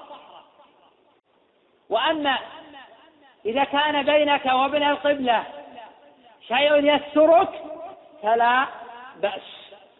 وقد صحح هذا الخبر الدار قطني في سننه وابن خزيمة وجماعة وفي الحسن بن ذكوان خلاف. سوف نذكر إن شاء الله تعالى في أدلة القائلين بالرخصة في البنيان دون الفضاء. قال أبو عيسى رحمه الله تعالى وقال أحمد بن حنبل إنما الرخصة من النبي صلى الله عليه وسلم في استدبار القبلة بغائط أو بول. فأما استقبال القبلة فلا يستقبلها كأنه لم يرى في الصحراء ولا في الكلف أن يستقبل القبلة. وعن الإمام أحمد رحمه الله تعالى روايات أخرى. فقد اقتصر الترمذي رحمه الله تعالى على هذه الروايات كأنه يريد أن يبين أن الحديث أن حديث ابن أيوب ليس على ظاهره. ولا ففيه رواية عن أحمد صحيحة أنه قال بعموم حديث أبي أيوب مطلقا فعدل عنها الترمذي رحمه الله تعالى وذكر هذه الرواية فهذا يؤكد ما ذكرته من قبل أن أبا عيسى لا يرى المنع مطلقا؟ وإلا على الأقل أشار إلى الأقوال في هذا الباب. أقول عن أحمد روايات أخرى منها جواز الاستقبال والاستدبار في البنيان دون الفضاء. فقد ذكر في الإنصاف أن هذه هي المذهب. وعنه رواية يحرم الاستقبال والاستدبار لعموم حديث أبي أيوب. لعموم حديث أبي أيوب. واختار ذلك جمع من أهل العلم ابن تيمية وابن القيم وهو مذهب أبي حنيفة في المشهور عنه ورجحه الإمام ابن حزم رحمه الله تعالى. وعن أحمد رواية أيضا. الجواز مطلقا في الصحراء والبنيان. الجواز مطلقا في الصحراء والبنيان. لحديث جابر بن عبد الله قال نهى النبي صلى الله عليه وسلم أن نستقبل القبلة ببول. وقد رأيت قبل أن يقبض بعام يستقبلها. وسوف يأتي إن شاء الله مناقشة هذا الحديث في قول الترمذي باب ما جاء من الرخصة في ذلك فقد أورد حديث جابر هذا. وهذا مذهب عائشة وعروة بن الزبير وربيعة وداود. وأصحاب هذا القول قالوا بالنسخ ولم يحاولوا إعمال كل الأحاديث. فذهبوا إلى نسخ حديث أبي أيوب. نذكر بعض فوائد حديث أبي أيوب. نذكر بعض فوائد حديث أبي أيوب. الأولى أن النهي يقتضي التحريم وهذا الأصل. ما لم تدل قرينة على ذلك. الفائدة الثانية العمل بالعموم حتى يثبت المخصص. وهذا الذي عمل به أبو أيوب الأنصاري رضي الله عنه. الفائدة الثالثة تحريم استقبال القبلة واستدبارها في غائط أو بول وهذا عام في الصحراء وغيرها. هكذا دل عليه حديث أبي أيوب وهو عام. لأنه لا فرق بين الصحراء ولا بين البنيان لأن النهي إنما جاء لحرمة القبلة وهذا المعنى موجود في الصحراء وفي البنيان. من فوائد الحديث الفائدة الرابعة أن من كان يرى المنع فوجد مراحيض نحو القبلة أنه يجب عليه الانحراف عنها لفعل أبي أيوب رضي الله عنه حيث انحرف عن استقبال القبلة واستغفر الله جل وعلا وقد تقدم توجيه الاستغفار وأنه قد قيل إنه كان ينسى فيستقبل فيستغفر الله وقد قيل أنه يستغفر الله لمن صنع ذلك عن تأويل أو عن جهل. ومن فوائد الحديث أيضا أن النهي إنما جاء لحرمة القبلة وهذا جاء في حديث سراقة كما تقدم. أن النبي صلى الله عليه وسلم قال إذا أتى أحدكم البراز فليكرم قبلة الله غير أن هذا حديث ضعيف. إذا لا يمكن الاعتماد على هذا التعليل لأن حجة المعللين بهذا ضعيفة ويمكن التعليل بهذا دون الاعتماد على هذا الخبر أي حديث سراقة. وهؤلاء القائلون بحديث أبي أيوب رفضوا إعمال الأحاديث الأخرى كحديث ابن عمر في الصحيحين وكحديث جابر فأما حديث جابر فضعفوه وطعنوا فيه. وأما حديث ابن عمر فقالوا عنه بالخصوصية وأن هذا خاص برسول الله صلى الله عليه وسلم غير أن الخصوصيات لا تثبت إلا بدليل وكل هذا إن شاء الله سوف نذكره إن شاء الله في الدرس القادم. حيث نتكلم عن أدلة المجوزين ونذكر إجابتهم على أدلة المانعين مطلقا. ونناقش حديث جابر وما قيل في إسناده وما جاء في الباب. والله أعلم. نعم.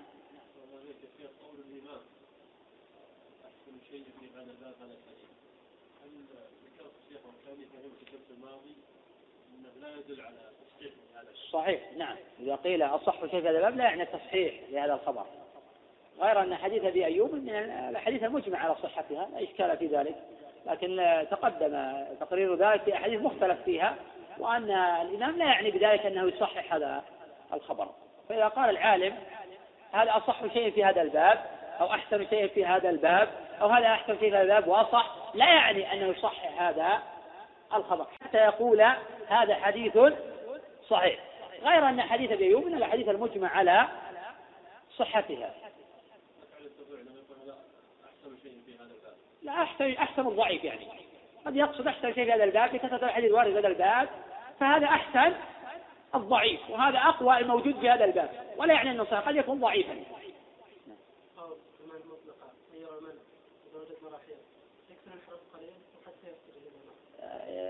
يكثر الانحراف بما لا يصدق عليه أنه استقبل القبلة أو استدبرها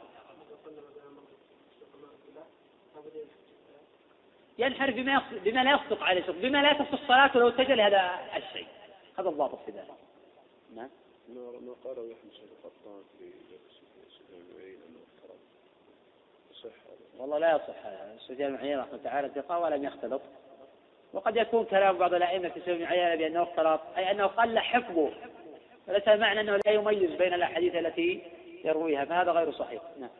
قال ابن عبدي ونص الشافعي انه استقبل بصدره وحول ذكره عنه وذا لم يكره في خلاف عكسه. اي نعم في نظر هذا في نظر.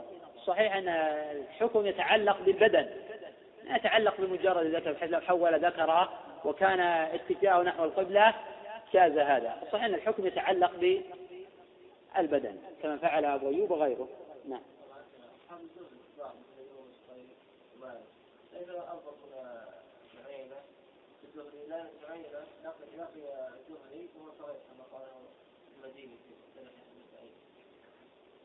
أصحاب الزهري رحمه الله تعالى خمس طبقات. كما ذكر ذلك الحافظ ابن رجب رحمه الله تعالى في شرح علل الترمذي. وقد اتفق أكابر الحفاظ على أن ابن عيينة من الطبقة الأولى. بل قدمه غير واحد من أهل العلم على غيره كما تقدم تقرير ذلك.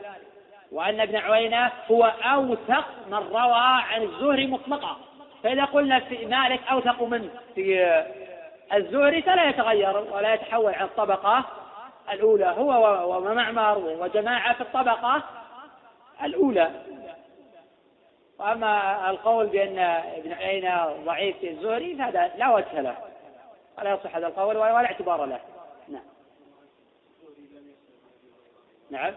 الزهري نعم لم يسمع عن ابي هريرة لأن الزهري ولد سنة خمسين وقيل سنة آه، آه، اثنتين وخمسين وقيل سنة ثمان وخمسين في السنة توفيت فيها عائشة. وأبو هريرة توفي سنة سبع وخمسين وقيل سنة تسع وخمسين وهذا أصح لأن وفاة أبي هريرة بعد وفاة عائشة. عليه توفي أبو هريرة على الصحيح في سنة تسع وخمسين. وعلى القول بأن الزهري ولد سنة 50 أو سنة 52 أو سنة 58 على كل هذه الأقوال لم يسمع الزهري من أبي هريرة شيئا. نعم.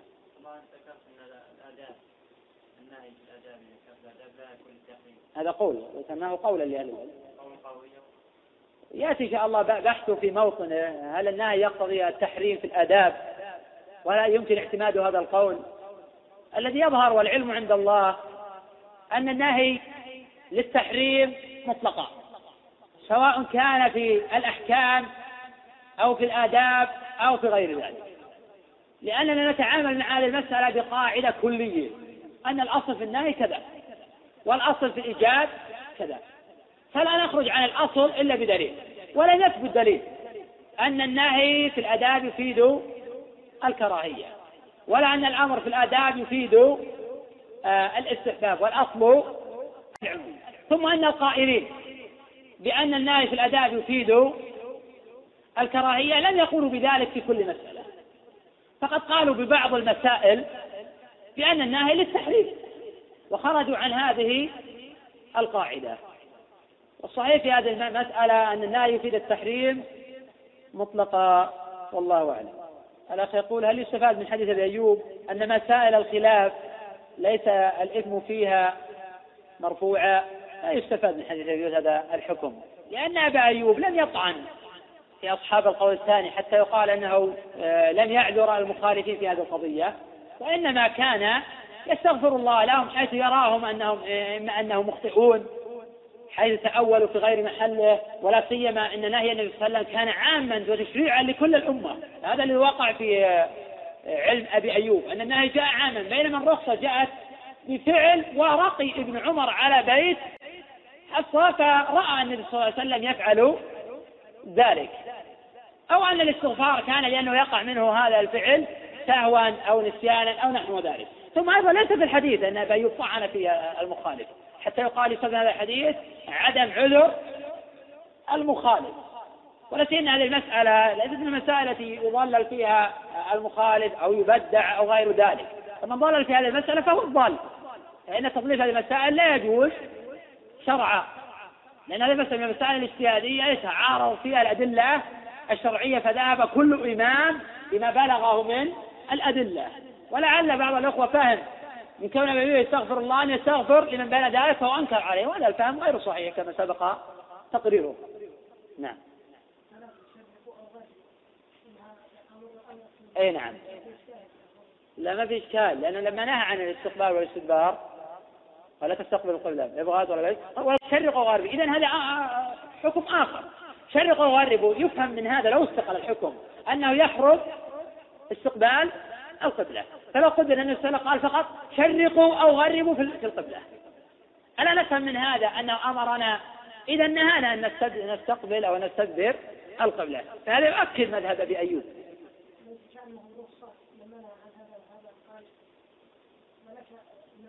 أي أمر بالتشريق والتغريب. إذا هو ناهي عن استقبال القبلة واستدباره. هذا مراد. واضح الآن؟ نعم. ما يفهم من هذا؟ الأخ صالح يقول وسؤال جيد. يقول هل يفهم من استغفار فننحرف عنه نستغفر الله أن يستغفر الله في نفس الخلاء. هذا يحتمل أن أبا أيوب كان يستغفر الله في نفس آه، الخلاء. ويحتمل أن نستغفر الله أي بعد ذلك. لأن الواو هنا لا تفيد الترتيب. وقد تفيد التراخي هنا. فننحرف في الموطن. بعد ذلك نستغفر الله تعالى. فليس الخبر صريحا في ذلك. نعم.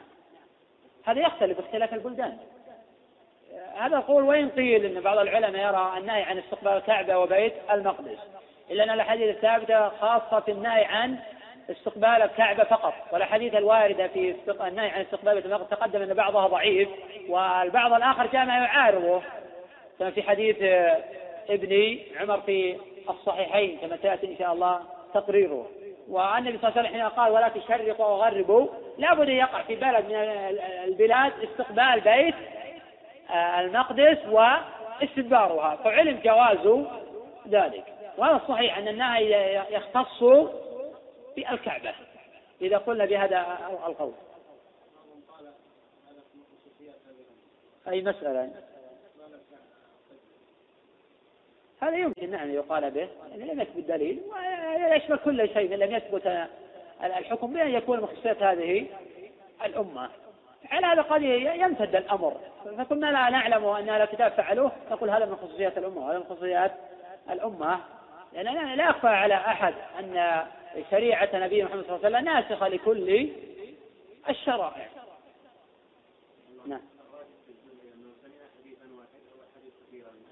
الزهري رحمه الله تعالى سمع حديث كثيرة من أنس ولكن حديث آه، الزهري عن أنس يطلع عليك رجل من الجنة هذا لم يسمعه منه. علّ الدار قطن رحمه تعالى بالانقطاع أما مع ذلك فقد سمع منه أحاديث كثيرة جدا.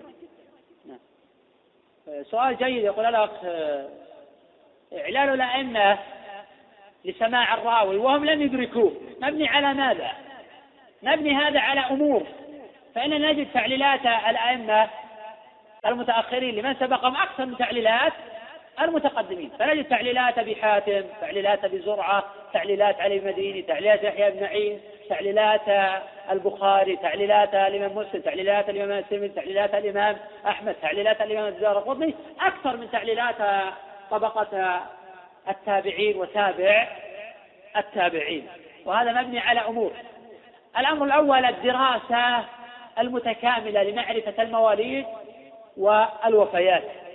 وهذا يروونه عمن سبقهم. وهذا واضح.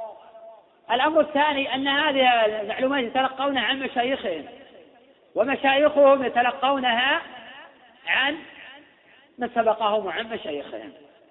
فلهذا الأئمة لا يحكمون إن إلا عن علم وعن صبر وعن استقراء وعن تتبع وعن معرفة. الأمر الثالث أنهم يعتبرون هذا بالأحاديث الأخرى كي يقول رأيت فلانا ولم أسمع منه أو رأيته وأنا صغير. أو ينص إمام من الأئمة أن فلانا لم يسمع من فلان. أو كما قال الحسن البصري ولدت لسنتين بقية من خلافة عمر. فيأخذون من هذا أنه لم يسمع من عمر. وكما قال سعيد ابن المسيب رحمه تعالى ولدت لسنتين مضتا من خلافة عمر. علم الأئمة أنه أدرك ثمان سنين من خلافة عمر. إذا سمع منه كما قال الإمام أحمد. وإذا كان سعيد يقول لم يسمع عمر فمن يسمع؟ فهم يأخذون من هذا آه، المواريد والوفيات ثم يطبقونها على ما بعد هؤلاء. فلا تصور الإنسان أو يتخيل أن حكم الأئمة أتى عن فراغ أو أنه قد يجعل مرتبة القبول تقل عن الضبط واليقين حيث أن قد يتوقف في ذلك حيث إذا حكم الإمام أحمد بعدم السماع أو حكم الإمام البخاري بعدم السماع لطبقة تابع التابعين أو التابعين فوقف عند هذا غير صحيح لأن لا يحكمون إلا عن يقين وهذا واضح جلي. حيث لا نعلم رواية عن أو حكما لهؤلاء الأئمة مما مثلا يمكن التشكيك فيه إلا إذا عارضهم غيره فهذا واضح. فهذا لا أعلم خلافا بين المحدثين في عدم سماع الزهري من أبي هريرة. فقد اتفق الحفاظ أن الزهري لم يسمع من أبي هريرة. مع أن جماعة من العلماء قالوا أنه ولد سنة خمسين. فعليه أدرك تسع سنوات من عمر أبي هريرة؟ ومثله يمكن سماعه. لكن الحفاظ اتفقوا على أنه لم يسمع. حتى ولو قلنا على القول الآخر أنه ولد سنة خمسين. والله أعلم